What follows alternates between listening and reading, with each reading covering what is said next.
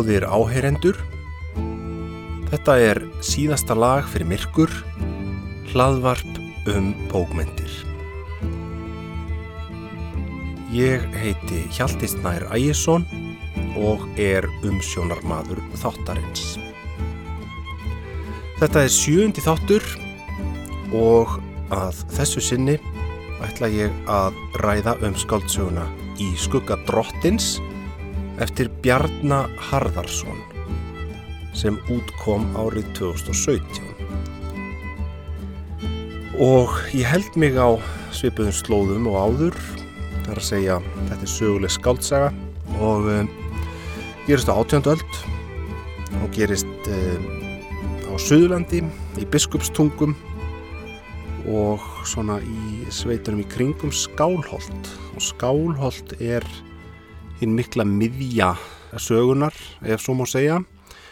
Þetta er saga um fátækt fólk leiguliða alþýðu fólk sem býr svona umhverfis biskupstólin það er kannski svona megin stef sögunar að sína fram á þessa miklu návist stjetta í íslensku samfélagi fyrir á öldum þessi, þessi nána sambúð alþýðu og yfirstjettar þetta er svo lítið land og þetta er svo smátt samfélag.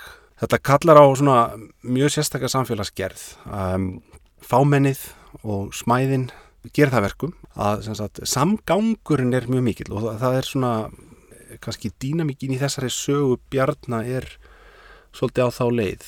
Það er verið að sína fram á samspil og já, sem sagt, sko bjarni myndur nú sannlega aldrei skrifundi það að hér hafi verið stjætt löst samfélag eða að stjætta mismunurinn hafi verið lítill. Þvert á móti er uh, mjög mikið gert í því að, að, að draga hann fram og ítrekka það hversu hörð lífsbarátt að þetta var fyrir leiguliða anspænis þeim luxus og lífsgæðum sem biskupinn og hans fólk bjóð við. En á móti kemur að þetta er þetta er svo nálagt hvert öðru. Það er einhvern veginn uh, þetta er ekki eins og í Evrópu þar sem að yfirstjettin bara lifir í algjöru tengsla leysi við alþýðuna og hefur engan skilning eða snerti flöt við hennar líf. Það er einhvern veginn ómögulegt í íslensku samfélagi á átjóndöld og það er það sem minnst svona svolítið í brennitepli í þessari sögu. Þetta er saga sem gerist á fyrri helmingi átjóndaldar eða svona rétt fyrir miðja átjóndöld og það er hægt að tímasetja hana nokkurn veginn. Að segja, hér er vísað til biskupa og annara sögulegra einstaklinga og út frá þeim er hægt að tímasetja atbyrðina. Skálholtsbiskupin sem er við völd þegar sagan hefst er Jón Árnason.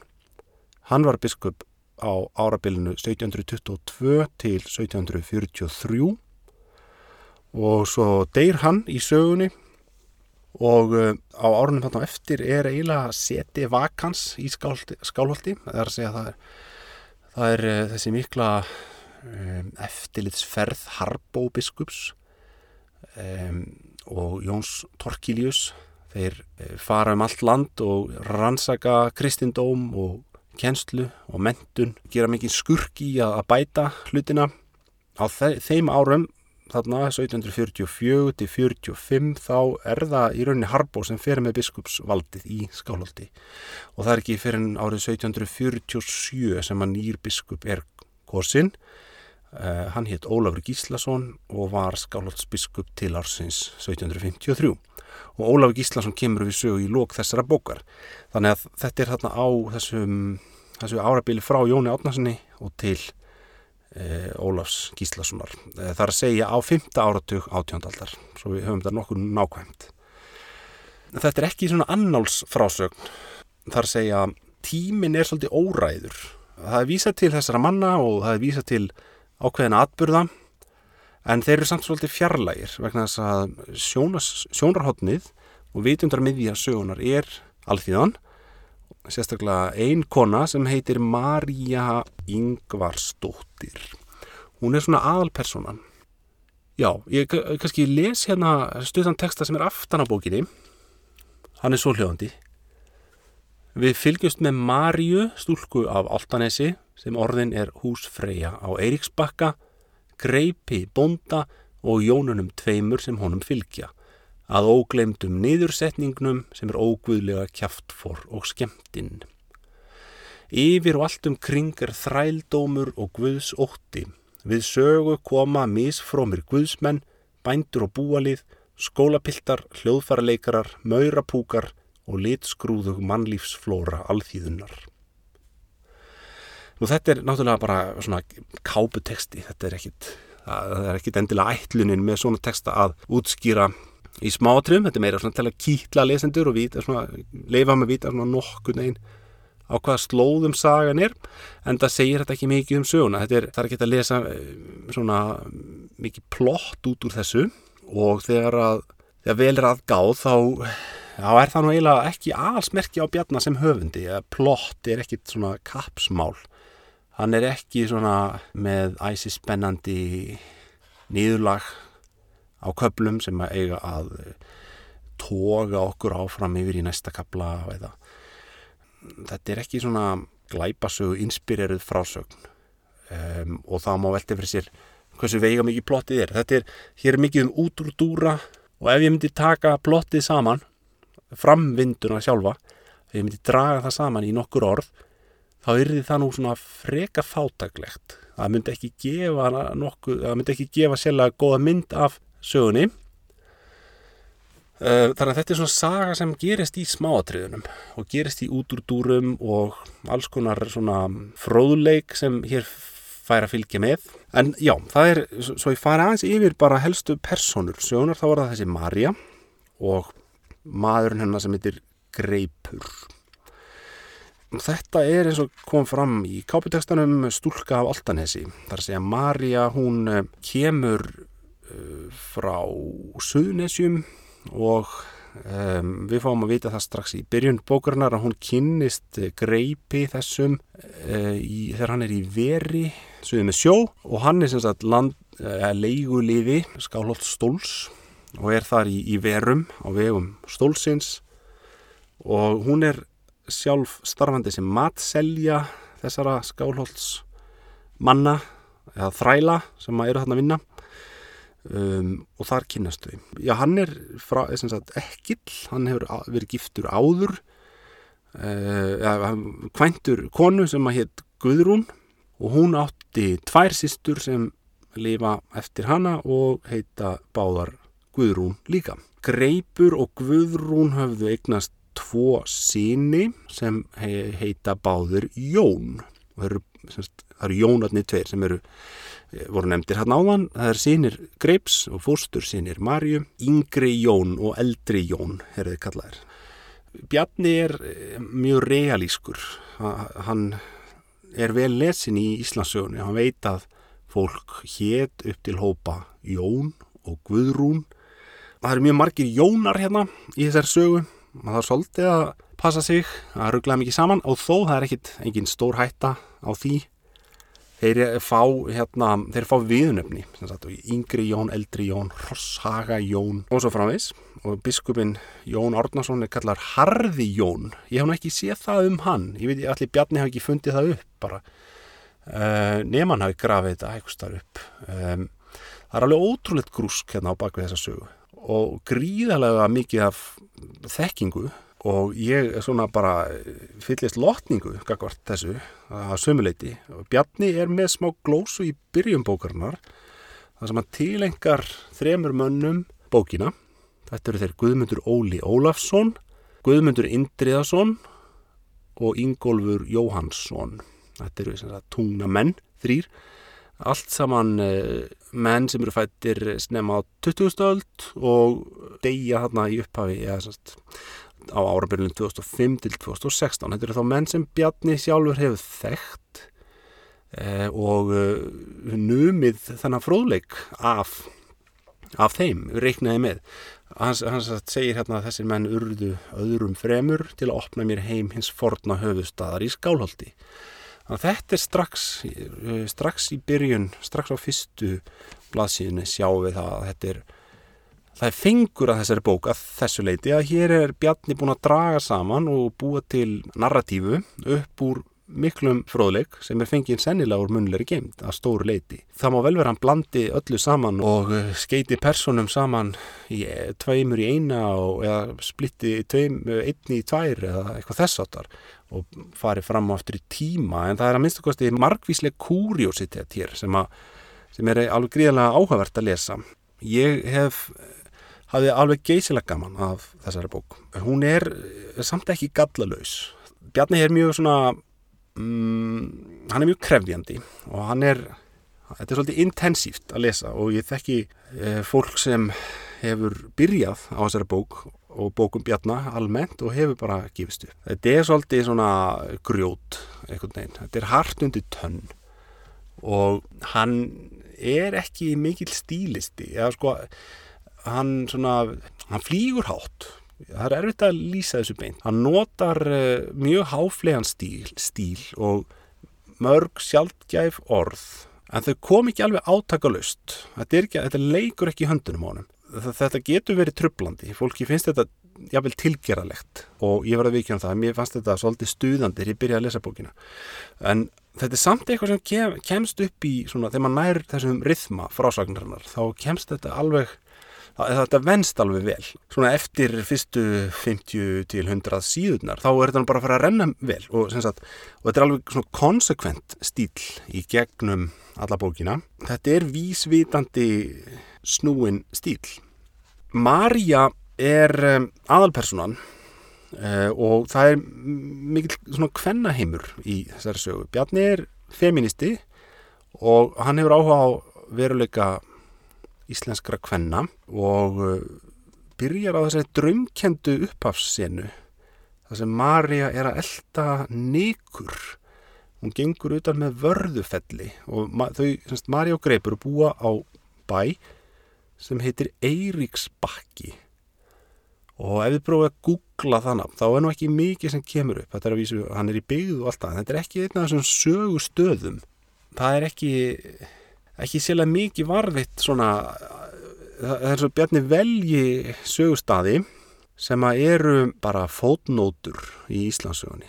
Skálholt er ekki nema einstakar sinnum í fókus. Eru, þetta eru litlu bæirnir þannig kring sem eru miklu meira í skoðun og hann er að setja sér inn í spór fólksins sem bjóð þar.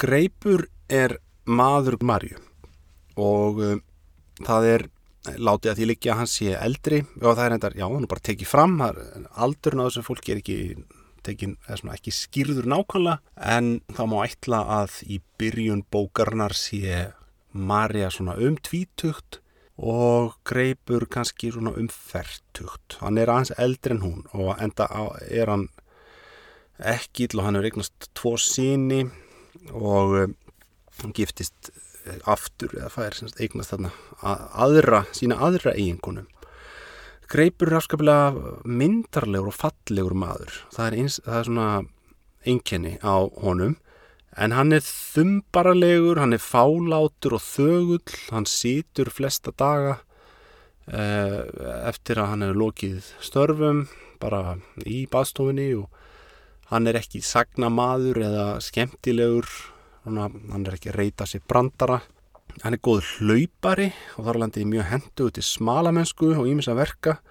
Skálhaldsmenn nota hann óspart í allskynns snúninga og hann er auk búskaparins, þá er hann vermaður þar að segja að hann er um, leiðuliði á þessari jörð, hann á jörðina ekki þetta er biskupsjörð og fyrir vikið er hann skuldsettur upp í rjáfur, hann þarf að vinna alveg myrkran á milli til að eiga fyrir skuldum sínum og hann er nokkur meginn í vasanum á skálholtsmönnum eh, og þess vegna fer hann alltaf í verið eh, á hverju ári svona eh, á eftir, eftir áramót byrjun nýjársins þá fer hann í ver í róðra þarna, sögðu með sjó og er þar svona fram, fram í miðja mæ þannig að þetta er ansið mikið á þau lagt og Marja er náttúrulega bara einn eh, lengi og oft en hún eh,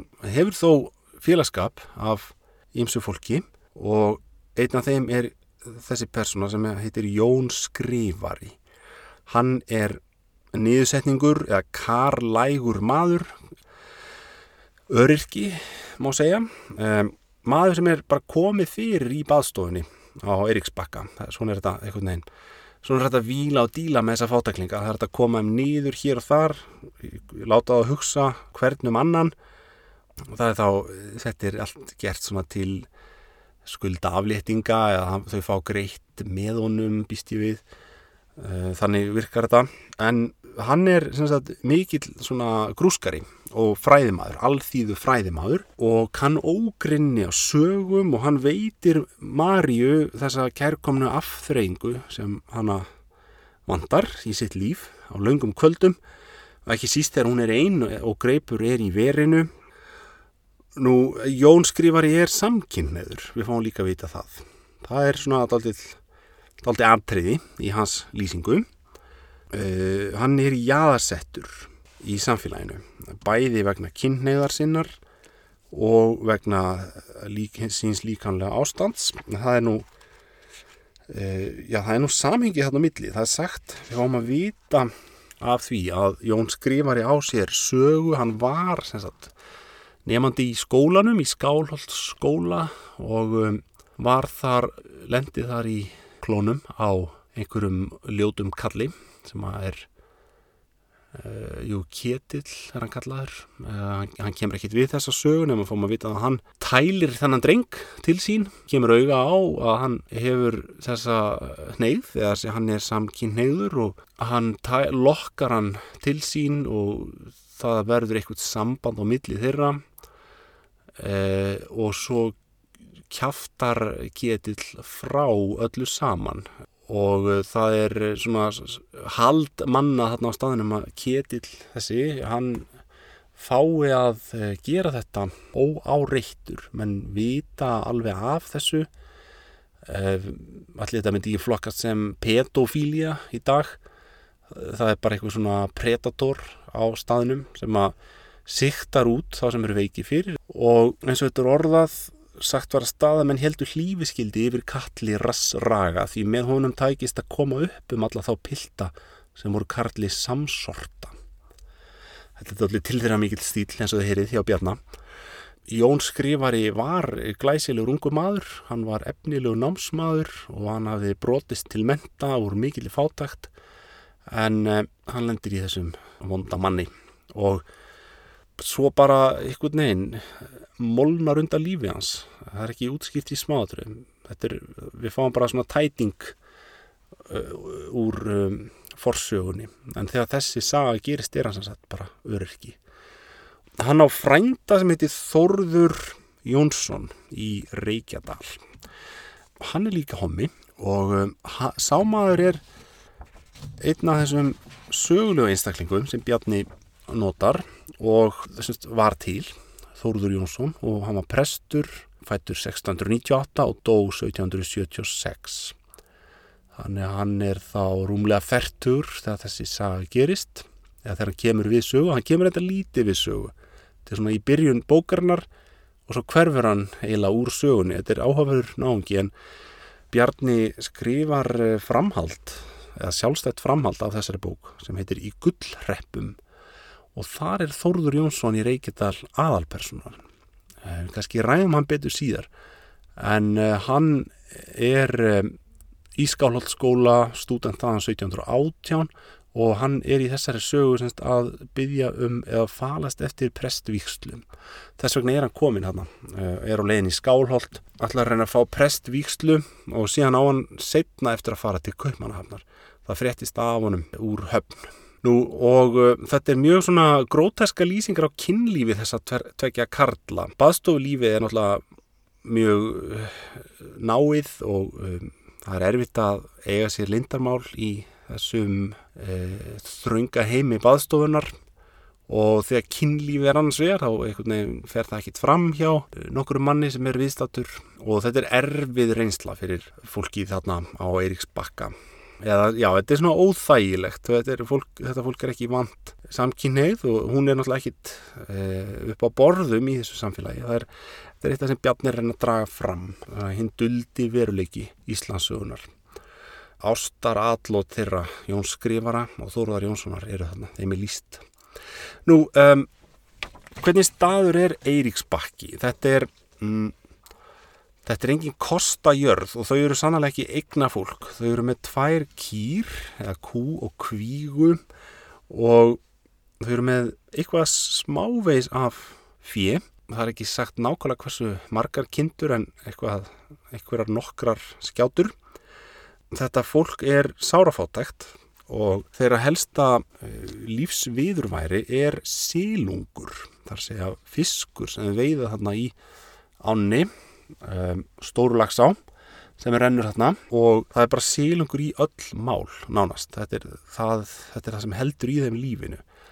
Og um, það er mikið um lýsingar í sögunni á því hva, hversu mikla klíu þau fá. Og Marja er um, uh, þarna af Reykjanesinu og hún er ekki vönn þessu, hún hefur aldrei smakkað svona bleikan fisk áður og henni finnst þetta viðbjóðslegt um, og hugsa ykkur að borða sílung bara hverjum einasta degi. Þetta er svona ekki sjálflega kræsilegt en þau allavega lifa af. Geta sagt, sulturinn sverfur ekki að þeim uh, á meðan þau geta vitt sér þarna til matar.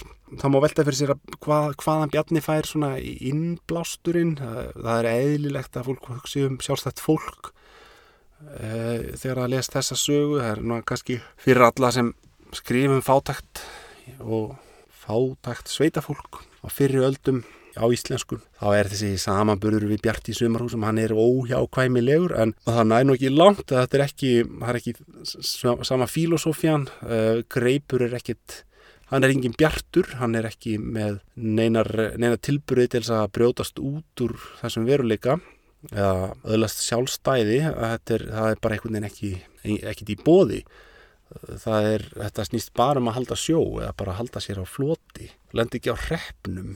Það er að skára að vera leigulíði heldur en að uh, heldur en að fjölskyldunni sé bara bókstala tvístrað. Nú um, fátækt fólk eftir Tryggva Emilsson er kannski önnur bók sem að maður hugsa um í uh, þessu sama mingi sa, sama sagna mingi það er mikil fátækt hér og það er alveg nýstandi lýsingar á þessu, þessu lífi sem við lifa þarna. En um, greipur er volað svona auðsveipur fátæklingur. Hann er meðfærilegur nýtsamur sagleysingi fyrir skálótsmenn það er fre, miklu freka Marja sem er uh, uppátækjasum eða hún hefur sjálfsbjarga viðleitni. Hún hefur svona sjálfstæðis uh, tilneyingu hún tekur upp á alls konar hlutum sem eru þykja ekki í lægi hún fylgir hjartanu svolítið. Á sér einhverja drauma um að verða eitthvað annað en hún er, ná lengra. Uh, og náttúrulega bara bjarga sér. Uh, kannski að bjarga börnum sínum og, og fóstursónum þau eignast eina dóttur sem heitir Katrín. Katrín Greipsdóttir. Það er um, í fyrsta fjórðungi sögunar þá eða semst sagan skipst í fjóra hluta og í lókfista hluta fæðist Katrín. Og svo er það Jónatinn 2 uh, sem hún henni þykir afskaplega væntum og hún hugsar vel um og greipur, ég menna, og bara hennar fólk, svona, henni er andum sitt fólk og það myndast mjög náið samband á milli hennar og skrifarnas Jóns skrifari, uh, skrifara. Jóns skrifari er svona einhver, ég segi ekki að þessu sálufélagar en það er sterkur strengur á milli þeirra. Marja fær þá hugmynd sem, sem yngum höfð grunlega dott í hug þarna að selja sílungin til ráðsmassins á Skálholdstað og fá kvítan fisk í staðin uh, hún er vön slíkum fiski og það er svona eðlilegri matur um, fyrir þessu fólki. Og þetta gengur, þetta, þetta lukkast vel hjá henni, hún er komin hérna í hörku business, sendi strákana yfir í skálholt með rauðan fisk og um, fær kvítan í staðin og, og mér sem gengur svo vel að og eftirspurnin er slíka að þetta leiðist út í það að hún fær tvo á móti einum. Það kemur á daginn að fólkinu í skálholti þykir bara ágætist tilbreyting að fá þarna rauða fiski. Og í skálholti er náttúrulega allt til alls þar er uh, smjör og tóbak og kaffi og um, alls konar nuttnir og listisemdir. Í öðrum hlutasögunar er sagt frá svipluðu atviki sem verður þegar yngri Jón fer yfir til skálholts. Yngri fústusónur Marju og hann á að fara þetta með bref til prestins en um, hann fær óblíðar móttökur hjá skólabildum og þeir um, veita staðanum með ofbeldi eða ætla að gera það og hérna taka honum illa. Og þarna kemur stjættamunurinn fram. Þykir, þeim þykir þetta bara gróf múlgun að, að svona kotungssonur skuli dirfast að púka upp á þá þessa aðalsmenni eða þessa ríku pilda og þeir uh, hlaupa hann á eftir hann og hann bara hleypur í burtu. Og uh, þetta uh, endar síðan með því að þeir koma hann að kvít á sem er í klakaböndum. Eða það er einhver, er einhver ísar á anni og Jón, yngri Jón hleypur út á ísin og ísin brotnar og hann sagt, rapar í anna og druknar mjög sorglikt hann bara hverfur. Það er engar fréttir af honum fyrir en nokkrum vikur setna þegar líkið rekur á land. Uh, og Marja fylgir þessu vel eftir, þar sé að hún, hann, hún er sorgmætt náttúrulega yfir fráfallið drengsins og uh, það er mjög góð eftirfylgni eh, þegar að líkið, líkið rekur á land og fyrir hún sjálf upp til skálholts og býður um að fá að, að hérna, snirta líkið og ganga vel frá honum, drengnum fyrir, fyrir útföruna og hún er með þess að sannfæra e, domkirkjuprestin um það að að láta skólapiltana sitja við útföruna. Það er, er einhver tilfinning, sko, þetta er ekki, þetta er átjándöld, þetta er ekki sögtjándöld. Það er einhver, það komin einhver smá komplex í e, yfirstjéttina. Menn er rótni meðvitaðri en áður um að um, það er ekki öll hegðun í lægi og þetta þykir óhæfa að hérna, hreinlega bara að drepa þennan unga mann. Og það er eins og Marja náu svona vekja valda mikla menn til umhugsunar þarna um þetta. Með áhrifum sínum svona bara þá nær hún þessu fram. En það eh, fer nú ekki vel eh, ég, ég held bara áfram að reykja sögutráðinu og, og eins og heyri þetta er svona ekki mjög frumlegur sögutráðu per sé en það vantar svo mikið í frásöguna þar sem það vantar öll smáatriðin og allar tiktúrurna sem Bjarni miðla svo snildælega og ég get ekki leikið eftir hér nema kannski með einhverjum dæmum ef ég tek þau beint. En búskapurinn á Eiríksbakka gengur brösulega. Kýrnar falla á endanum úr hór og þegar það er ekki lengur neina kýr á bænum þá blasir það við að Greipur og Marja þurfa að fara af staðinum get ekki lengur verið svona sjálfs sjálfsín ráðandi eða ráðið yfir sínum eigin húsakosti eða yfir leigu húsnæði náttúrulega þau þurfa að fara í vist annar staðar á öðrum bæ. Og staðurinn sem þau fara á heitir Hrosshægi og um, það er kort í bókinni fremst og aftast en þetta er gamalt kort vantilega frá átjándu öll maður þarf svolítið að rína í það að finna öll þessi nöfn en það er þægilegt að vera með biskupstungurnar eða kort af árneisíslu fyrir fram að sig þegar maður les þessa bók það er, mikið um örnefni. Og gaman að glöggva sig á því hvernig leiðirnar hann að liggja. En e, Rosshægi er eina af þessu jörðum sem liggja nálegt skálhaldi nafnið er, nafni jarðarnar er skýrt þannig að þetta sé bara e, beitarland fyrir hesta skálhaldsmanna þarna, e, þarna hafa þeir bara bitið gras alveg óáreittir eins lengi og elstu menn muna. Það er ekkit sem fólkið á í Hrosshaga getur gert við því. Þú getur ekki, ég með þetta er svona bara raunveruleikin. Hestarnir koma hana og þeir fá frjáls afnót af þeirra beitarlandi. Eh, þetta er bara hjálega og það þýr ekkit að, mótmæla því ef uh, fólki í skálaldi vil gera eitthvað þarna á jörðinni.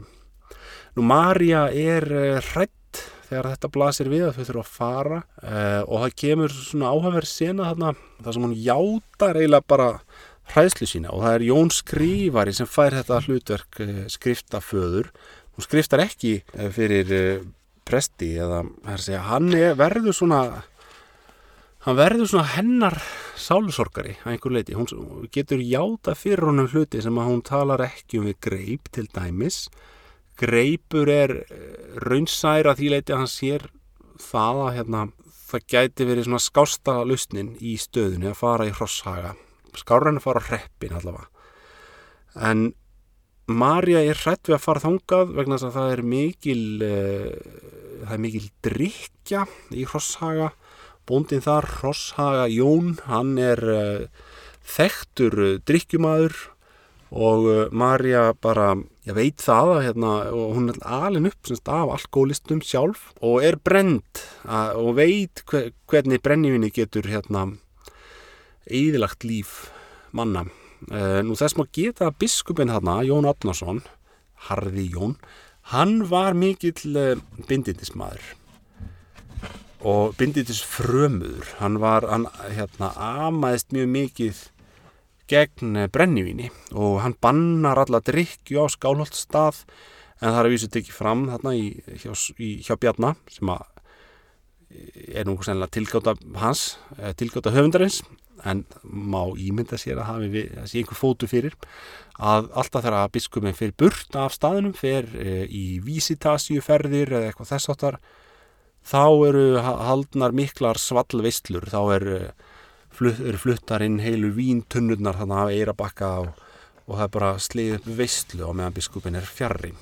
Og, en þó að þetta sé uh, gert svona, Jón reyni að, að hérna, stoppa fyllir í, skálholt, í skálholti, þá gildi það ekki um þessa hjálegur og það er greinlega mikil svona gleði, mikil gleði lifnaður og kannski umfram efni uh, í Rosshaga. Uh, Jón Skrifari þarf náttúrulega að fylgja með.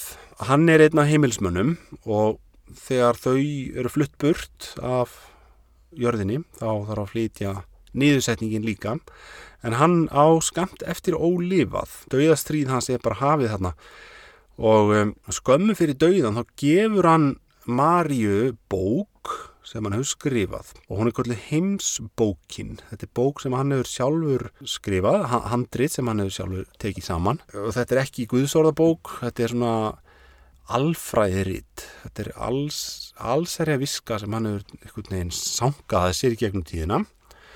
Og þess má geta, svo við fara aftur í aðfarar orð bjarnar hérna í byrjun bókarinnar þá talar hann um um handrit sem er kallað Plánetu og Kvæðabók skrifuðu 1780 í Gölveribæ af Hannesi Kolbensinni. Hérna getur komin eitthvað vísbending um Jón Skrifara, um þá personu. Hver sé á bakvið hann, uh, en ég veit ekki mikið um þetta mál. Ég veit ekki hversu mikið Bjarni fær að láni úr þessu, uh, hann fær mikið að láni úr átjöndaaldar bæði handritum og guðsórabókum. Hann tekur heilu kaplana sumstaðar orðrétt og auðkennir með sérstökur letri til dæmis í, eh, í predikunum prestana þarna. E, þá kemur bara allt í einu bein tilvittnun í, í eitthvað svona guðsórðarít sem Bjarni er bara með í höndunum. Svolítið áhagvert hvernig þetta flæði saman og þetta er mikil átjóndaldar stíl hjá Bjarni sjálfum náttúrulega. Gaman að sjá hvernig þetta speiklar kort annað rúsinan í pilsöndunum hjá Jóni Skrifara er í sagt, það og hann út sínir hérna, Maríu þetta þegar hann afhendur henni bókina. Bókin er í bundin í tréspjöld sem eru, sem eru með skinni sagt, bundin með skinni og það er að fletta skinninu af tréspjöldunum og á öðru þeirra er gróp fyrir lítinn pening spesju og þetta er uh, þá gjöf hans til Maríu og um, svo deyir hann sem sagt skömmu þarna eftir. Um, skömmu eftir hann hefur fært henni þessa gjöf. Nú lífið í Rosshaga er þetta aldrei öðruvísi heldur en á Eiríksbakka og það tekur við, taka við önnur vandamál þó að það sé búið að svona bjarga þeim, framfæslu grundvöldurinn er betri. En uh, það er þessi ná, návist og þessi sambúð með fólkin sem býr þarna fyrir. Þetta er náttúrulega ekkit grín að vera að þurfa að flytja inn á aðra. Um, og það er það ekki í dag og það er, var það heldur ekki á átjöndöld eitt af það sem gerist sem verður svolítið komist og líka til marsum útsjónasemi, Marju, er það sem er kallað spena stríð það er uh, reiknað út að þau fá hálft kúgildi þau Marja og Greipur halva kú þar segja að þau fá að mjölka eina kú uh, en bara helmingin þau fá, fá helmingin af mjölkinni sem þessi kýr gefur af sér. Hinn helmingin fá Helga og Rosshagajón hjónin hérna Helga eiginkona Rosshagajóns er uh, hún liggur bara, hún er bara rúmliggjandi kemst ekki úr rúminu. Og það er karpað um þetta og það er sendar það sendi eitthvað vinnukona sem þykist ekkit vita og þykist ekkit kunna að e, mjölka og mjölkar alltaf uh, sagt, be betri spenana. Það, veginn, það þarf einhvern veginn að finna útvæðslu leið sko, eða þú fara bara halva kú þá þarfstu að annarkot farið þá mjölkana annarkot dag og halvan sunnudag. En það, leiðin sem er farið þarna er að það er bara tveir spenar á ykkur og tveir spenar á okkur. Og uh, það kostar svona þau fólki sem er á bænum fyrir þau vita náttúrulega hvernig er besta mjölka uh, skefnuna Marja svona læra á þetta snýra á kerfið svolítið. Nú uh, drikkjukultúrin í Hrosshaga fær sitt pláss þarna og það er vikivaki, það er haldinn skemmtun, dansskemmtun sem líkur með því að Rosshaga Jón leggst eh, með annar manna konu þarna eftir dansskemtununa hann uh, vílar ekkit fyrir sér að bara sænga hjá giftri konu bara með sína eigin rúmleikjandi eigin konu uh, við hlýðin á sér, þykir algjör ósvípni og svo gerist það þarna einn daginn að það uh, koma hestar úr skálhaldi og Marja veit ekki kannski eða sætti sér allavega ekki við þetta fyrirkomulag.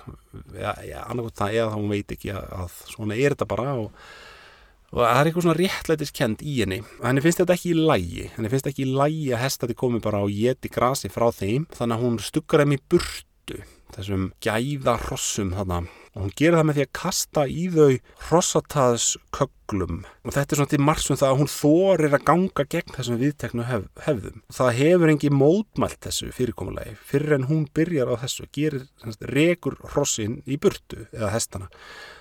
Það sést til hennar eða þetta frettist í skálholt og henni er refsað fyrir upp á daginn með því að hún er sett í gapastokk á meðan á messu stendur þarna einn dag. Og uh, þegar henni refsa þá er, kemur skálholts ráðsmaðurinn þarna og einhverjir uh, svona einhver vöðva búnt þarna með honum. Og þá hefur sagan þróast uh, á þá leið að, að hún hafi hent grjóti í hestana. Uh, svona er þetta stundum að fjæðirinnar verða að hænum þegar sagan berst áfram og skálholtsmenn viðast halda það hún hafi verið að kasta grjóti í hestana. En það var semst ekki tilfellið.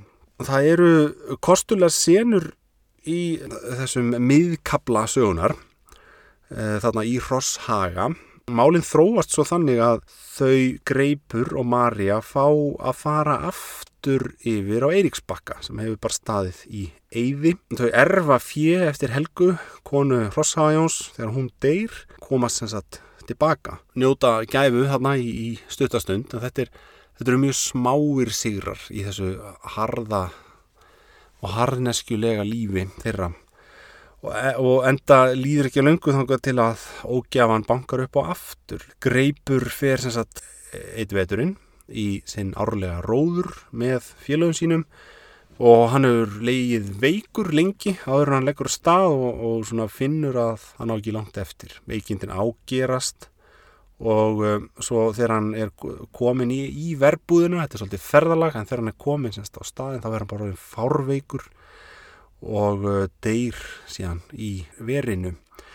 Og Sónrans er hann með honum eldri Jón og hann fær það hlutverk að koma brefi með þessum fréttum til Marju stjúpmöðu sínar uh, hann þarf að gera þannig að hann fer yfir að görðum á Altanesi og þá vil svo til að þetta er prestur sem þekkir Marju, hún er náttúrulega frá þessum slóðum. Hann, gardaprestur mun, mun koma brefnu yfir til Bessastaða og þaðan eru reglulega ferðir í skálholt. Þannig virka bóðlegiðnar hérna í þessu samfélagi.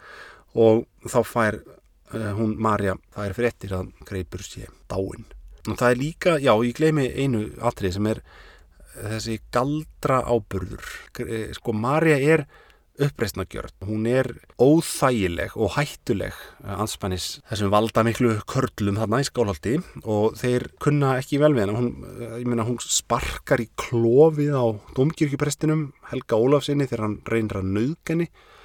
Hún vill ekkert þýðast eh, vill ekki undigangast þessa kúun sem viðgengst þarna. Hún er alltaf aðkomu kona og það er eitt af það sem kemur hún á óvart þegar hún flytur í, á staðin til að byrja með er það hversu gríðarlega fátækt og hungur er hérna í sveitinni. Biskupstungun er náttúrulega fjari sjó og um, þetta er ekki eins og á Reykjanesinu, það sem er meira svona, svona skári lífsgæði af því leiti. Það er fiskur, það er náttúrulega vissulega þessi sílungur þarna sem við hafa, en svona það er ekki, ekki alveg að sama. Og Marja augrar mikið og storkar uh, og svo kemur svo stund þarna, það sem er verið að gera einhverja rassju heima hjá þeim að menn finna bókina, bók Jóns skrifara og uh, fara að gruska í henni og sjá að þetta lítur út eins og eitthvað mjög óæskilegt rít. Þannig er eitthvað svona forbóðin þekking og eitthvað, eitthvað ták sem lítur út eins og galdrastafir. Þannig að þetta er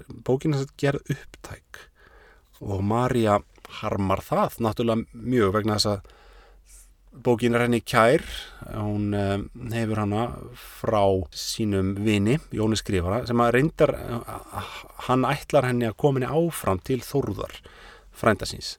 Uh, en svo er það Spesian sem að hún tapar þá þarna með þessu líka, en það eru haldið en réttarhöld skömmu eftir þetta og síslumadurinn úrskurðar um það að það sé ekkit í rauninni óæskilegt í þessari bók hún megi fá hana semst, tilbaka. En orðrómurinn lífir áfram og það er, það er hérna, þó að við sem komum hérna fram til, fram til ársins 1740 þá er ennþá þessi galdra uh, kvittur eða svona hann, hann er það er ekki langt í hann. Minna, hann, hann lúrir einhvern veginn undir. Þetta er ekki, samt, minna, 100 árum fyrir er þetta náttúrulega miklu verra. Þá er verið að brenna menn á báli og konur fyrir einhverja mynda galdra. Um, og þetta er ekki alveg svo slæmt þarna en þetta er samt nógu slæmt til þess að mítan lifir áfram og menn fara að kenna Marju við galdra og kalla hana galdra kvendi og flæð og eitthvað þess þetta er svona einhver stærð sem þeir þekkja uh, sem þeir geta að nota á hana. Þetta er einhver kategória þetta er einhver bás sem þeir geta sett hana á. Þetta er leið uh, feðraveldisins eða samf feðraveldis samfélagsins þarna í skálholti til þess að afgreða svona uppreistnar gjarnar konur eins og hanna. Nú en síðan uh, þegar greipur er dáin þá blasir við að Marja getur ekki bjargast, hún þarf að fara á hreppin, það er það sem uh, er bara næst á dagsgrá og ráðsmaðurinn skálaldi og hans menn koma þarna á Eiríksbakka og gera allt upptækt. Þeir hafa ákveðið það að Marja verði að fara af jörðinni, hún er orðin ekki hún mun ekki geta unni fyrir sér sjálf. Það skiptir yngu þótt hún mótmæli þarna. Hún bendir á að hún gæti vissulega gifst aftur, eignast nýjan mann en þeir hlust ekki á neitt svo leis og þetta er sko ekkjur eru náttúrulega rosalegt vandamál fyrir þessu samfélagi. Það er ekkit pláss fyrir og það er fullt aðeim í skálholti. Einhverjar ekkjur svona betri borgara sem að þarf að framfleita bara að því bara. Og það er ekkit svona félagslegt kerfi sem grýpur þetta fólk mér sé að hesturinn hennar Marju, já ég hef ekki búin að nefna hann en hann er svolítið atrið í sögunni, Kvítingur heitir hann, hann er henni mjög kær og um, hann er drepin bara þegar það koma hann á og leysa upp uh, búið Þetta er alveg í lók sögunar og svo uh, enda sagan á því að Marja gengur fram fyrir biskupin sjálfan. Þannig er búið að greina aðeins frá uh, svona í bakgrunni eða framhjálaupi í sögunni hvernig tíminn líður. Það er vísa til stóra atbyrða eða svona það vísað til Harbós og sendiferðar hans, það vísað til þess þegar Jón Árnason deyr og nýji biskupin tekur við Ólafur Gíslason. Uh, hún kallar hann Ólaf Muður. Hann er ættaður uh, líka af Reykjanesinu eins og hún og hann er frændenar mér segja, þau eru bara náskild enn og aftur dæmi það hvernig nábíli stjetta er í þessu, þessu landi og þessu samfélagi. Og það er hvernig Bjarni dregur þetta fram. Hann, þannig bara sjálfur biskupin í skálholti og þessi blá fátækasta að öllum fátækum ekkjum eh, þau eru náskild lærdómsmenn jafnvel eins og, eins og Jón Torkiljus hann er líka ættaður uh, hún man ættaður af Reykjanesi uh, úr Njarðvík.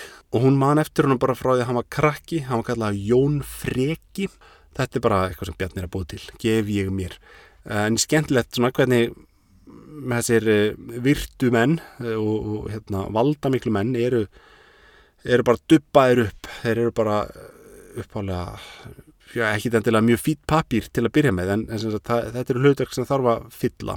Marja ákveður að frista gæfunar í lokin þegar að það blasir við að hún lendir á, mun lenda á hreppnum og hún ætla sagt, að bjarga dóttusinni, Katrínu. Nú hefur hún mist uh, besta vinn sinn sem Jón skrifara, hún hefur mist uh, mannin sinn, Greip og fórstursson, Yngri Jón, hún hefur uh, reyndar að hafa þau Greipur eignast allavega tvo síni sem deyja bara eh, strax eftir fæðingum. Þannig að Katrín verist fyrir eina batni þeirra sem kjænst upp.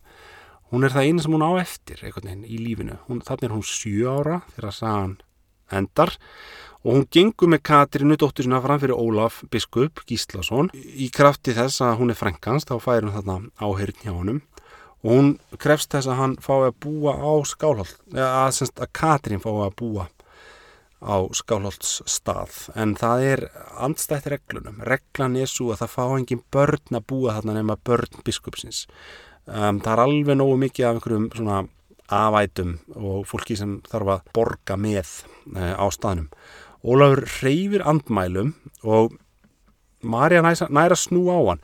Það er skemmtilega svona pendulsveifla þarna eins og Bjarni lýsir þessu. Þar að segja Jón Árnason er þessi harði, formlegi strángi stjórnandi. Hann er búin að vera lengi í ennbætti, hann tekur við að Jóni Vítalín verður biskup 1722 og er búin að ríkja tæmlega 20 ár þegar að sagan hefst maður sem kann sitt fag og er að taka á einsum vandamálum í samfélaginu og hann líður ekkit bull. En Ólaf Gíslason er svona að hálfgjöru vingull í samaburði við hann uh, nýjibiskupin hann er og það, það var tilfellið sem sagt að hann var ekki spenntu fyrir að vera biskup. Það þurfti svona að peppa hann upp og hérna hvetja hann til þess að taka við ennbættinu og hann gerði það svo með hangandi hendi þetta var grúskari hann hafði mikið áhuga á uh, rýmfræði og, tímatalsreikningum og svona einhverjum vísinda störfum, hann var ekki endilega tilbúin í hérna, biskupsstarfið. Og Marja sem sagt gengur á lægið, hún nýtir sér þetta notfærir sér þetta tækifæri, þannig að veikleika sem hefur skapast í valdastruktúrnum með þessum nýja biskup þegar hann reyfir andmælum ætlar að fara að regana, eða semst segja bara að Katrín geti því mér ekki komið eða verið þarna hjá þeim. Þá hótar hún að leggja á hann bölfun ef hann verð ekki við orðum hennar. Hún bara hefur upp eitthvað formælingar ræðu og særingar þulur og, og er bara komin alltaf í hlutverk galdrakonu. Og þarna hefur hún svona gengist upp í þessu nortna hlutverki sem samfélagið hefur útlutaðinni og hún snýr þessu sér í hag. Áhugaverð sena og mjög svona krassandi endapunktur á sögunni Eh, og hún fær sínu fram. Þetta, þessu líku þannig að Katrín fær að vera á skálolt stað og Marja sjálf bara fer út í buskan hún endar á því að kinga kolli til Marju Mejar eða Marju Stittu sem er hérna í skálolt skirkju þegar hún er bara leiðinu burt. Og hennar býður ekkit annað en það að vera förukona eða flökkukona vera bara fátaklingur það er kannski fóð að vita meira um það í næstu bók en það er allavega ljóst að hún um, á ekki mikla möguleika sjálf, en Katrín hins vegar gæti átt aðeins betri möguleika. En ég ítrekka það að þetta er svona, það er svolítið leiðastefið hjá Bjarnar í þessu að að sína fram á það hvernig stjettinnar eru bara fastar og það er reyfanleiki á milli stjetta í þessu samfélagi er mjög uh, torveldur en hérna